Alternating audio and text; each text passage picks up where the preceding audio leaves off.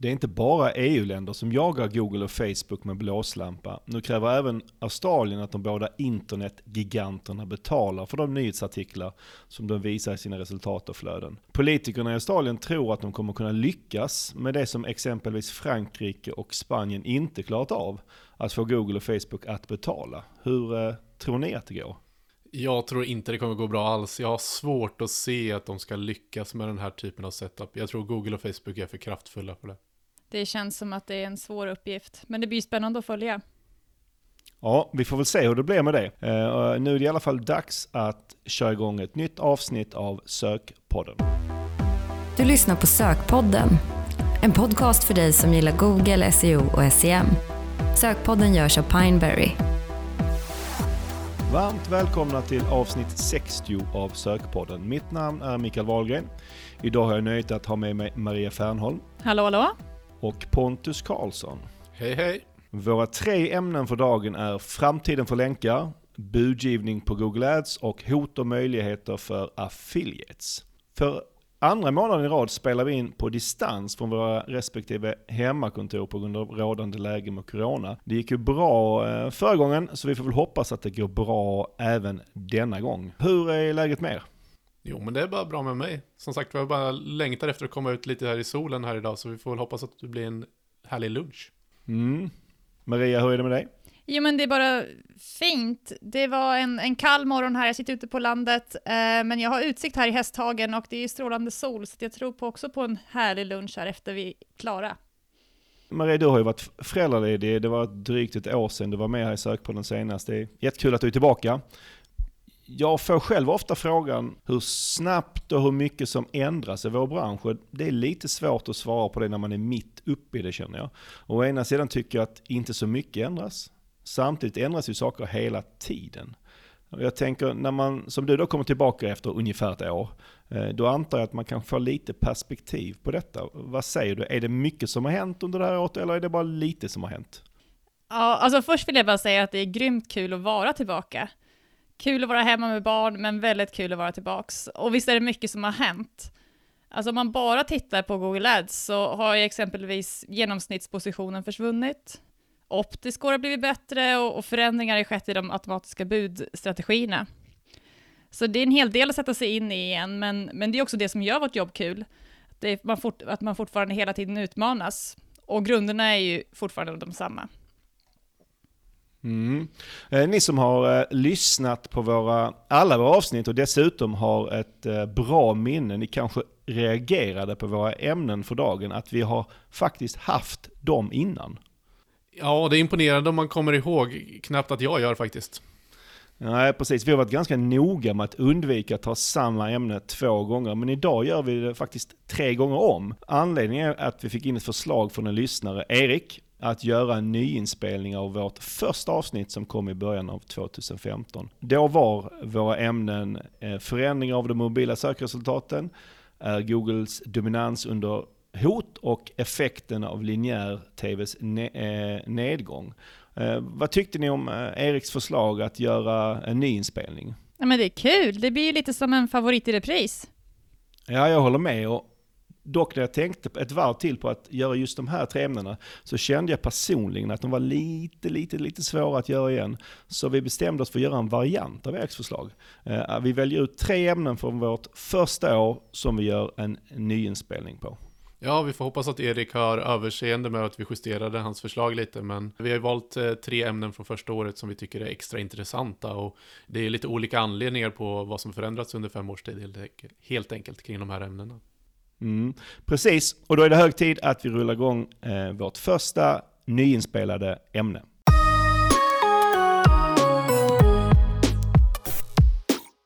Vårt första ämne idag är alltså framtiden för länkar. Ett ämne som vi tog upp eh, redan i avsnitt 4. Ja, det var ett tag sedan. Ja, minst sagt. Då. Framtiden för, för länkar kommer upp ganska ofta. Inte, det är ganska ofta jag upplever att vi får eh, frågor om det. Du och jag Pontus, vi körde ju ett eh, webbinar förra veckan och då var det en av frågorna som kom. Ja, det var precis då liksom frågan kommer upp och eh, det, frågan som kommer upp är ju om det kommer fortsätta vara en rankingfaktor och vilket är oftast många som undrar helt enkelt. Ja, och jag har ju fått den här frågan som sagt säkert hundratals gånger, men det som, jag, som slår mig lite är att Eh, jag har aldrig någonsin fått frågan om exempelvis titlar kommer fortsätta vara en rankingfaktor för SEO. Det är bara länkar man ifrågasätter. Var, varför tror du att det är så, Pontus? Ja, men det, är, det är väldigt svårt att svara på, men troligtvis beror det på att länkarnas, liksom, länkarnas eh, påverkan har förändrats över tid och det har också varit lite skillnader i hur man, Google har sett på länkarna. Jag tror det är den stora delen. Och sen finns det nog en liksom, skillnad i hur man tolkar liksom, huruvida det är många som vill att det ska vara en negativ syn och en negativ konsekvens på det. Så det är lite kombinationer de här två skulle jag säga. Ja, just det du sa där på slutet är också min känsla att det finns ganska många som hoppas eller önskar kanske att eh, eh det ska få en, eh, vad heter det, en mindre betydelse länkar. Varför tror, det, varför tror du att det finns för, alltså att man tycker så? Ja, nej, men jag tror att det handlar om just det jag är inne på, att folk vill inte att man ska hålla, en del vill inte att man ska hålla på med länkar för att man tycker att man manipulerar helt enkelt. Men jag har svårt att se varför folk är så negativa till det. Vad skulle du eh, säga, vad finns det som talar för att länkar blir mindre viktigt i, eh, i framtiden? Egentligen inte mycket alls skulle jag vilja säga. Nej, och, och här håller jag med. Och jag har som, som sagt fått de här, de här frågorna under 15 eh, års tid och jag har ungefär sagt samma sak tidigare, att nej, men det kommer fortsätta vara viktigt. Och på ett sätt kan man då säga att jag har haft rätt hittills i och med att det fortfarande är viktigt. Men skulle du säga Pontus att öka eller minska sannolikheten att jag en dag kommer ha fel? Ja, alltså rent krasst, rent statistiskt så borde den ju eh, sannolikheten öka att du har fel om man säger så eh, i takt med att eh, längre tid går och det är klart att Google gör ju förändringar hela tiden och det är klart att Google justerar länkars värde likt alla andra algoritmiska delar men vi tror och jag tror fortfarande att det kommer vara en extremt viktig signal som är svår att ersätta. Men det måste väl finnas något som talar mot länkar? Ja, men det gör det såklart. Och, och det är ju saker som vi tog upp redan i avsnitt fyra då. Eh, framförallt liksom hur tidningar väljer att sätta no-follow på saker, hur de väljer att inte länka ut. Och alla sådana här aspekter spelar ju väldigt stor roll. Så liksom, om det sjunker i någon kritisk nivå, att det inte finns tillräckligt mycket länkar på internet, så är det klart att det är svårt att använda som en signal. Men samtidigt är ju liksom länkar internets grund och det är så Google har lyckats med att bygga sin sökmotor i mångt och mycket. Så det är ju, ja, det är någonstans ryggraden, jag har väldigt svårt att se att man kan skippa den.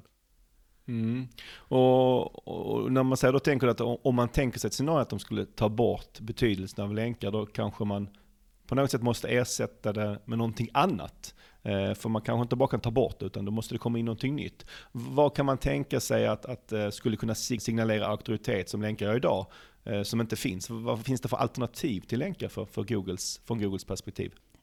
Kanske skulle hur många som googlar efter ett visst varumärke kunna tolkas som en förtroendesignal. Men det är ju, det är ju svårt, för å andra sidan så får ju ett välkänt varumärke av naturen också många länkar. Sen är väl bra innehåll redan idag en viktig aspekt, det har vi ju sett många exempel på. Textinnehåll som är baserat på en gedigen sökordsanalys och svara på de frågorna som användaren har, räcker i många fall långt, men det blir alltid bättre med länkar, eller vad säger du Pontus? Ja, men det är ju lite en utmanande där, där du är inne på med liksom förtroendesignaler och att man skulle ha varumärkessökningar och sånt. Alltså, mycket sånt har ju diskuterats genom åren. Det, utmaningen med alla de här är att de är så extremt lätta att manipulera. Och det är ju det som varit styrkan i länkar, att det har varit väldigt svår, svårmanipulerat. Vilket gör att den, den algoritmiska delen fortfarande står sig så starkt. Jag skulle säga att det är en av de få anledningarna till att Google verkligen fortfarande lyckas med det och att de kan presentera så pass bra resultat. Det är ju lite lustigt att det som vi var inne på tidigare som kanske de som önskar att länkar ska få mindre betydelse, det de oftast kanske inte gillar med länkar är ju att det går att manipulera det. För det går det ju. Men alla alternativ man ser istället är ju, de faller ju ofta som du säger Pontus på, att de är ännu enklare att manipulera. Ja, ja men precis. Och det är ju det är alltid manipulationsfaktorn som är nyckeln till att länkar kommer fortfarande vara en viktig del av det. Sen kan det minska eller öka och det, det är ju sånt som vi har sett över åren också. Mm. Så om vi då eh, summerar lite här, så precis som för fem år sedan så tycker vi att det mesta talar för länkars betydelse även i framtiden. Eller det är så vi ser på det. Det är i alla fall vad jag tror, men det är ju omöjligt att veta vad som händer i framtiden. Men, men jag tycker att det talar på, så länge, så länge man kan se så kommer länkar ha en betydelse. Sen hur stor den är och sånt kommer förändras och det är saker vi ser hela tiden, men absolut. Och Google har väl testat att köra utan länkar? Ja, på Matt Cutts tid i alla fall, så då testar man ju en variant utan länkar, men Google lämnade väldigt tidigt själva i ett teststadie eh, där man såg att det blev sämre sökresultat och det är väl tecknet på det. Det är om Googles algoritmer blir så pass mycket smartare och hittar något annat. Men vi vet ju ännu ingen förtroendesignal som vi kan, tycker de kan använda istället. Så då är väl länkar den bästa lösningen. Häromveckan så sa John Mule, Googles John Mueller en sak som när det gäller kvalitet på innehåll. Han sa att man inte skulle fundera så mycket på hur Google bedömer kvalitet på innehåll. Eh, för att man är själv då egentligen är bättre på att bedöma det än Google och Google inte egentligen är så jättebra på att bedöma kvalitet på själva innehållet. Och jag, jag tycker egentligen det här svaret indirekt också talar för framtiden för länkar. Ja, som alla förtroendesignaler någonstans så har ju Google svårt att bedöma kvalitet generellt sett på innehåll, på länkar kommer ju också viktigt, men länkar har de i alla fall mycket datapunkter kring, vilket innehåll inte kan ha. Så, så länge Google inte hittar någon bättre lösning som vi har varit inne på så tror jag att det fortsatt finns en väldigt, ja men en framtid för länkar som auktoritetssignal. Och det känns väl härligt, eller? Ja, jag, jag gillar ju länkar. Jag tycker det är en fascinerande algoritmisk del av SEO helt enkelt. Mm, jag håller med, det känns bra att vi ser länkar som en viktig faktor även framöver. Eh, med det så lämnar vi detta ämnet och eh, för en andra gång då, och vi får väl se om det blir en tredje gång att vi pratar om framtiden för länkar om fem år eller så. Men eh, nu är det dags för nästa ämne.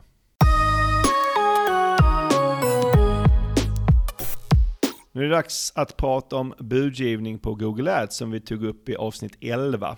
Eh, och vi gör ju normalt 11 avsnitt per år, så eh, eh, ämne, e- eller avsnitt 11 var det avsnitt som jag satt som stopp. Att det var de avsnitten vi tittade på där vi valde de tre mest intressanta ämnena att göra nyinspelning av.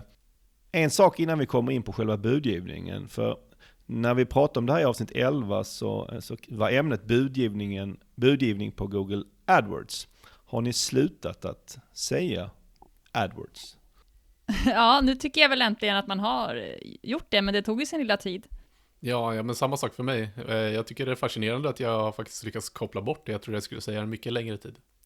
Ja, men jag håller med och jag, jag, tänker att det kanske är för att vi jobbar med det så mycket, för jag har också slutat att säga AdWords mer eller mindre helt. Och jag var lite skeptisk till namnbytet. Jag tycker kanske i och för sig fortfarande tycker att AdWords är ett bättre namn, men, men jag har också bytt. Men däremot så sköter jag ju vår egen eh, annonsering eh, och vi annonserar ju på de här orden och jag ser att det är fortfarande många som googlar på AdWords. Så det har nog inte helt försvunnit, men för oss som jobbar med det dagligen så kanske det går lite snabbare att byta. Ja, precis. För jag måste säga att jag fortfarande använder Google AdWords när jag pratar med de som inte är så insatta. Så jag tror att det är mer, ja, det är det folk känner till. Ja, precis. Så är det säkert. Och anledningen till att vi tog upp, eh, valde att göra, göra en inspelning på budgivningen av, eh, på Google Ads är att det har hänt ganska mycket där de senaste fem åren. Ja, det skiljer sig en hel del. Det är ju helt klart ett område som Google har satsat väldigt mycket på. Ja, och ett sätt så där detta blir väldigt tydligt att de har satsat ganska mycket på att det finns en hel del andra budalternativ idag än då. Eh, du kan väl Maria väldigt, väldigt kort bara nämna vilka de är så vi har dem eh, med oss utan att gå in på dem i, i detalj. Vi kan väl också säga här att vi, när vi pratar om eh, budgivning idag på Google Ads så begränsar vi oss till söknätverket. Ja men absolut, det är ju ett gäng. Eh, vi har ju de eh, automatiska strategierna, eller så kallade smart bidding som de också kallas. Och det är ju då mål-CPA, mål-ROAS, vi har maximera konverteringar, maximera konverteringsvärde, maximera klick, målplats på sökresultatsidan och inriktning på vinnande andel. Men sen finns ju också den halvautomatiska budgivningsmetoden ECPC, eller så kallad förbättrad CPC, som kombinerar den manuella budgivningen med smart bidding. Och så slutligen såklart så har vi även den vanliga traditionella manuella budgivningen. Mm, det är många alternativ som handlar om maximera och många av dem är ju olika automatiska varianter. Och jag tänkte börja att ställa frågan där. Hur länge kommer det finnas kvar en ett manuellt alternativ? Kommer det, kommer det finnas kvar? Ja, det är en bra fråga. Och det är ju helt klart så att Google vill att vi rör oss bort från detta, och, men samtidigt så kan ju annonsörer inte köra ECPC om det inte har konverteringar, så det finns ju fortfarande annonsörer som och kör utan konverteringar, så att det är ju lite en utmaning. Ja, nej men, och jag menar alla kan ju köra ECPC men det har ingen påverkan om man inte har några konverteringar precis som du säger Maria. Och jag skulle kunna tänka mig att framöver så Google vill ju alltid hitta vägar att tjäna mer per klick och maximera klicken. Så jag skulle inte bli jätteförvånad om det manuella faktiskt försvinner framöver men det är nog på en ganska lång tidshorisont. Mm. Om vi tittar på hur vi, av alla de här budvarianterna, vi använder ju inte alla lika mycket. Vilka använder vi generellt sett om man ska generalisera lite? Ja, det finns ju såklart undantag, men generellt så använder vi antingen mål-CPA och mål-ROAS eller ECPC. Och det beror ju lite grann på vilka typer av företag som vi jobbar med, men ex exempelvis mål-ROAS är ju väldigt bra för e-handlare, medan mål-CPA då är bra för de som vill eh, driva leads, precis som vi själva gör. Eh, och vad skulle vi säga, vad är fördelningen ungefär då mellan de här typerna och hur skiljer det sig mot, mot hur det var för fem år sedan? Ja, alltså det har ju som sagt hänt väldigt mycket de senaste åren. Och algoritmen har ju blivit väldigt mycket bättre. När jag började jobba på Pineberry 2014, då använde vi i princip bara manuell CPC eftersom vi då ansåg att vi gjorde ett bättre eh, jobb än, än Google. Men det här har ju helt förändrats och eh, nu kan man ju säga att vi använder någon form av automatiserad budgivningsmetod på alla våra liksom lite medelstora eller större konton. Och ja, vad säger du Pontus? Ja, men här, precis. Här är det ju verkligen en, en, fråga någonstans om hur mycket data det finns som är grunden i de här som avgör vilken metod vi använder. Men, men i grund och botten så har vi ju gjort en väldigt stor förflyttning mot de automatiserade i takt med att Googles budalgoritmer blivit mycket bättre. Så senast vi pratade om det här så var vi väldigt skeptiska. Nu är vi väldigt positiva, men det förutsätter data. Det ska man ju ha som krav. Mm. Nej, jag vet både du och jag Pontus har varit lite skeptiska, men vi båda är väl mer positiva till det nu. Och för att kunna göra ett bra eh, jobb, som, som du sa, nämnde där Pontus, så eh, för att Google Smart Bidding ska kunna göra ett bra jobb så krävs det ju en hel del data att utgå från, eller hur? Men samtidigt då så tycker jag det är lite intressant utveckling att Google numera då inte har ett minsta krav på antal konverteringar för mål-CPA. Ska man tolka det som att, att data inte är viktigt längre? Ja, alltså jag ser det snarare som ett tecken på att Google verkligen vill att man ska byta över och att de är komfortabla med att deras smartbidding kommer att lära sig snabbt nog. Men de har ju kvar minsta rekommendationen på antal konverteringar för målrås än så länge, så vi får väl se vad som händer. Ja, men och här har det ju verkligen kommit en intressant utveckling där Google pratar väldigt mycket om att de tar in data från andra marknader, från andra aktörer, vilket gör att de helt plötsligt inte bara budar på din konverteringsdata utan på andra utomstående faktorer. Och det gör ju att de har tagit de här besluten i många lägen, men det är också lite läskigt. Ja, den datan har vi ju pratat, vet, har vi pratat om ganska många gånger eh, Pontus. Jag tänker framförallt på en specifik lunch vi hade för några månader sedan. Men för den här datan där de, Google eventuellt då hämtar från andra källor, var är det de hämtar det ifrån och vad är det för data de hämtar? Det skulle man gärna vilja veta. Ja, men verkligen. Och den information vi har fått är ju att det är liknande sökbeteende på andra marknader och andra konkurrenter helt enkelt som gör att de väldigt snabbt kan komma igång med det. Och det gör ju att små aktörer kan kriga med liknande dataunderlag. Men vi tycker ändå att när man har first party data, det vill säga man har egna konverteringar, det är då som det faktiskt fungerar riktigt bra med smart bidding. Mm. Om, vi, om vi tänker oss nu att vi har några, några lyssnare som kör manuell CPC eller kanske då e-CPC. Är det, då, är, det, är det givet att de ska gå över till en mer automatisk budgivning som då mål-CPA eller mål-ROAS? Vad, vad säger ni? Ja, men i de allra flesta fall är det ju värt att testa. Sen är det ju inte självklart att det blir bättre. Där får man ju utvärdera resultatet precis som alltid. Och, och lite som Pontus var inne på så har man mycket data så är det ju oftast lättare medan det kan vara lite svårare om man har mindre data att gå på. Men eh, man får testa och se vad som händer helt enkelt. Hur, eh, hur länge ska man vänta om man nu testar? Hur länge ska man vänta innan man då eventuellt be beslutar sig för att backa tillbaka om man tycker att det inte har funkat tillräckligt bra? Ja, det är också svårt att säga och det beror ju mycket på hur stor budget vi har och hur många konverteringar vi driver. Det handlar alltså om data här igen. Och man ska ha i åtanke att det tar ett tag för algoritmen att lära sig. Så det kan ju vara allt från kanske en vecka på stora konton till en månad.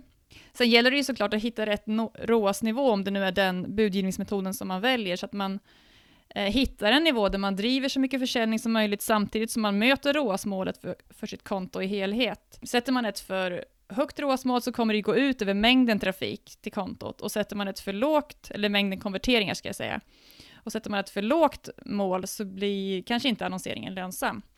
Så det, heter, alltså, det gäller att hitta rätt strategi och, och rätt nivå.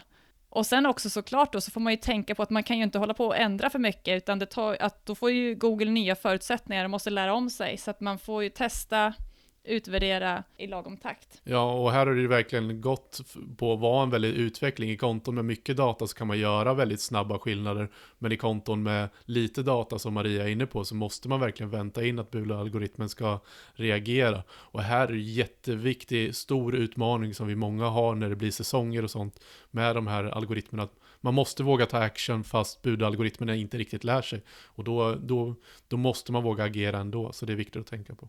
Nej, men jag tänker på det här med, med säsonger Pontus, det har väl vi ändå sett att eh, det behövs en manuell påläggning i de allra flesta fall. Ja, men verkligen. Om inte annat att man agerar väldigt hårt på smartbiddingen för att få den att fungera. Även om Google säger att den ska fungera galant. Mm, det är väl nästan inget som fungerar galant, är det Det finns väl alltid saker man måste justera lite. Ja. Eh, jag har ju tidigare här i sökpodden, som jag nämnde lite innan, varit lite frågande till smart bidding i de fall det inte finns så mycket data. Till exempel som när det gäller vår egen annonsering på Google Ads. Vi får in säg 100 leads ungefär per månad, konverteringar. Vilket eh, om man slår ut det per kampanj så är det ju inte vansinniga mängder data. Eh, men vi valde ändå att byta över till mål-CPA under förra året för, för att testa. Ja, det är spännande. Och hur har det gått? Bra borde jag väl säga i och med att vi fortfarande kör. Men, och min bedömning är ju att resultaten har blivit något bättre. Men jag skulle ändå, jag är lite försiktig här, kanske för att jag var lite skeptisk innan, att jag vill ha lite mer tid på mig innan jag slutligen säger att det är bättre. Men, men, men det, min, min magkänsla är ändå att vi kommer fortsätta köra det och att eh, det, eh, det, det totalt känns bra. Sen har jag gjort en, en del saker som man inte borde göra. Jag har ju mixtrat ganska mycket med vår nivå på mål-CPA för att eh, jag tyckte att eh, klicken blev för dyra och jag vet att jag inte borde mixtrat med den här. För det, det, det, märkte man när jag gjorde stora förändringar i mål-CPA-nivån. Då, då var det som att man, eh, vet att algoritmen blev helt knasig på något sätt. Ja, men det blir ju väldigt mycket så att den måste testa de nya nivåerna och slår väldigt mycket CPCer och det var väl precis där du såg någonstans, eller? Ja, precis. Eh, men jag hade kunnat inte låta bli att testa så. Eh, och eh, det, det grundar sig lite i, i att jag tycker att en sak som stör mig lite med det här är att som jag egentligen, och jag förstår det här också, ska jag säga direkt, att det är egentligen inte logiskt att störa sig på det, men jag gör det ändå. Det är att vissa av klickpriserna blir onormalt höga.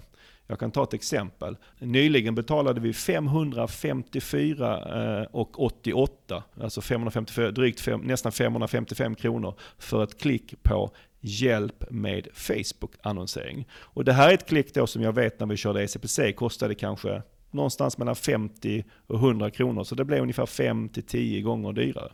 Ja, det är ju galet mycket, men det är väl just för att Google ser det som en konverterande klick. Och det kan jag tycka i och för sig, det, i det här fallet, att det känns ganska logiskt. Ja, jag håller med och tittar jag på dem, för det, det, här är bara ett exempel, det är ganska många klick vi har betalat väldigt, väldigt mycket för. Men tittar man på just de söktermerna, så, som det är i det här fallet, så känns det som att ja, men det, det finns något konverterande element i dem och det är kanske logiskt att Google väljer ut dem. Men det blir ju ändå på något sätt, det känns lite konstigt att man betalar så eh, mycket per klick. Sen vet jag ju också att vår CPA ligger på rätt nivå, så rent ekonomiskt är ju inte det här ett problem. Nej, men man blir ju lätt lite cynisk här och tycker att det kanske är Googles sida som man tänker på. Men det finns ju också en funktion som gör att man kan sätta ett tak på klickpriset inom mål-CPA som jag vet att du varit inne och pratat med mig om en del. Hur, hur tänker du kring det? Ja, men, eh, efter att ha pratat lite med dig också så kände jag, liksom, för din take på det var ju lite så här att ja, jag skulle vara lite försiktig att använda den för att om man nu går över till att låta algoritmerna bestämma, då kanske man ska göra det hela vägen ut. Alltså om Google har den här extra informationen som vi då inte riktigt vet vad den är, men om de vet att det sannolikt kommer komma en konvertering från det här klicket, ja, då kanske det ändå är rätt att låta dem buda väldigt, väldigt högt. Och går man då in och sätter nivåer, ja då, då, då förhindrar man algoritmen att göra sitt bästa jobb. Ja, risken Men, är ju att man köper alla, liksom, alla de eh, klicken som inte är möjliga konverteringar för att man har cappat dem, men man mm. köper inte de andra helt enkelt. Nej, alltså dåliga klick är inte bra klick bara för att de är dåliga, alltså för att, för att det är lågt pris på dem. Så det är ju egentligen de bra klicken man vill ha. Så länge man ser att Google kan hitta dem så är det väl ändå värt kanske eh, att betala så mycket. Ja, och det man ska tänka på i det här sammanhanget också är att som Googles annonsaktion fungerar så är ju det faktiska CPC man betalar är ju vad som krävs för att slå annonskollegan precis nedanför. Så när vi betalar 555 kronor för ett klick beror det ju på att någon annan också är beredd att göra det. Ja, men det är just det som händer när många annonsörer kör smart bidding, att klickpriserna trissas upp. Ja, och det är inget Google är ledsen över. Nej, garanterat ju inte. Och nu tänker jag så här att det är inte helt omöjligt att eh, det finns andra annonsörer som kör smart bidding i vår bransch som lyssnar på, på sökpodden. Det hoppas jag, det hade varit kul. Och är det så så hör gärna av dig så kan vi se om vi kanske kan göra något gemensamt för, på något sätt för att sänka våra klickkostnader så att Google inte lyckas få oss att trissa upp priset så här mycket. ja, det har varit spännande. Med det så lämnar vi eh, budgivning på Google Ads för idag och går vidare till dagens sista ämne.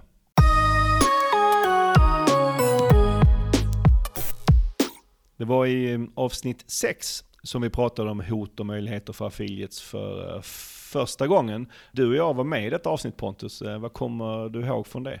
Ja, inte mycket alls faktiskt. Det var ju ett tag sedan. Nej, inte jag heller. Jag var, jag var, jag var tvungen till att lyssna igen. Spännande, hur lät det? Själv tycker jag att det är lite småjobbigt att lyssna på sin egen röst. Jag misstänker att det är lite spännande när det var så länge sedan. Jag lyssnar ju på alla avsnitt när jag klipper dem och då tycker jag faktiskt att det känns ganska normalt och inte så konstigt att höra sin egen röst. Så det känns ganska bra. Men det var faktiskt lite ångestladdat att, att, att sätta igång det avsnittet som var, det var så gammalt. Eh, så liksom jag satt där och tvekade lite och trycka på play-knappen om jag skulle göra det eller inte. Ja, ja det kan jag förstå. Men det var faktiskt, det, det var faktiskt helt okej okay att lyssna eh, när jag väl tryckte igång. Och det var ingen slump att du var med förra gången, eller hur Pontus? Nej, jag har en liten extra förkärlek för affiliates, eh, precis som många av våra kollegor här på Pineberry som också lyssnar. Så ja, vi, vi, vi gillar ju affiliates helt enkelt.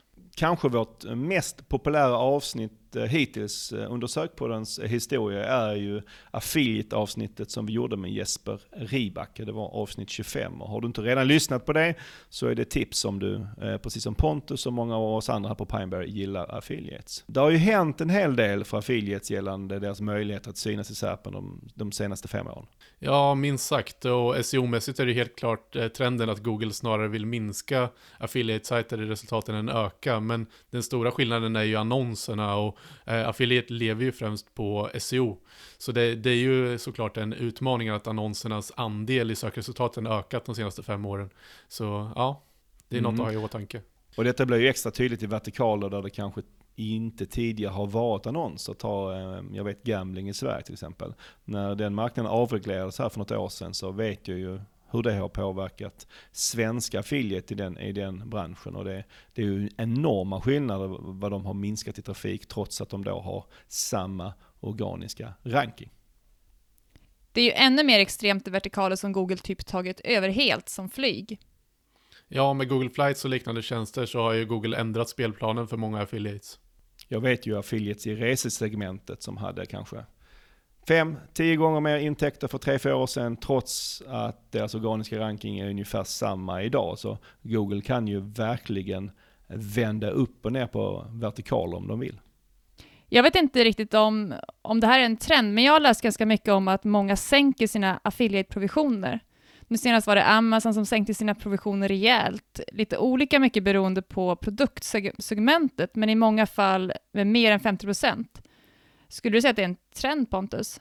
Jag vet inte, alltså, det är det som är så spännande. Jag, jag tror liksom att affiliates, eh, eller rättare sagt eh, affiliate-programmen varierar extremt mycket inom olika konkurrenssituationer. Så eh, det var ju väldigt fascinerande det här med att eh, Amazon såklart sänkte provisionerna rejält, men man undrar vad det beror på. Är det en coronaeffekt eller är det någonting som var planerat sedan länge? För vi ser många andra program som faktiskt ökar provisionerna i dessa tider också. Så ja, det finns nog åt båda håll faktiskt, precis som allt övrigt.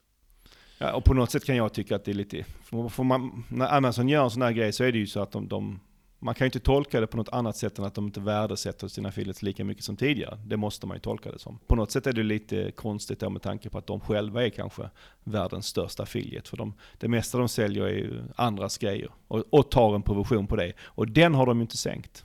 Nej, men och, och liksom Amazon har ju gjort det här i många olika etapper, men nu var det ju en väldigt kraftfull sänkning och precis som du säger, när, de, när vissa aktörer blir tillräckligt stora, samma sak gjorde Zalando och flera aktörer när de har växt sig tillräckligt mycket, då klipper de provisionerna till, eller stänger ner sina program. Och det har vi ju sett tidigare och det kommer nog fortsätta hända tyvärr.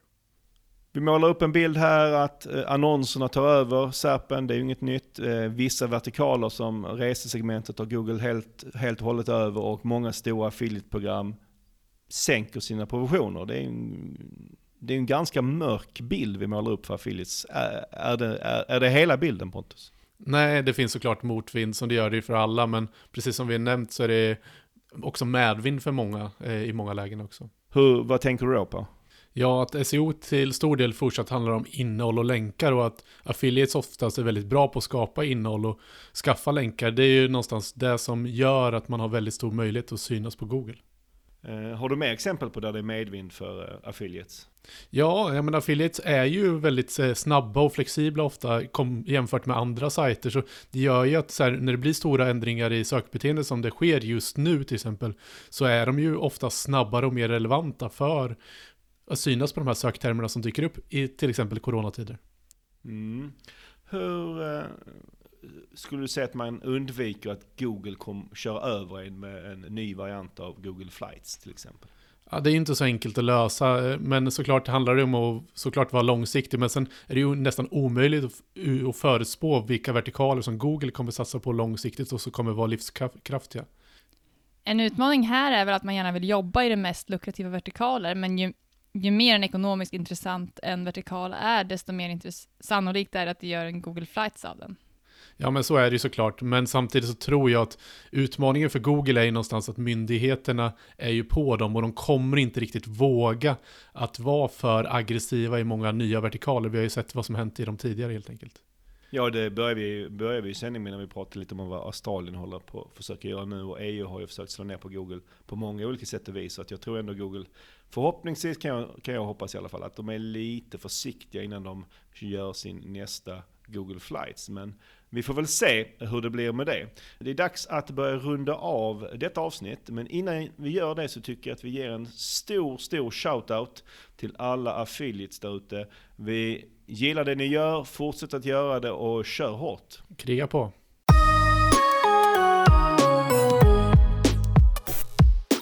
Vad tyckte du om detta lite återblickande avsnitt av Sökpodden?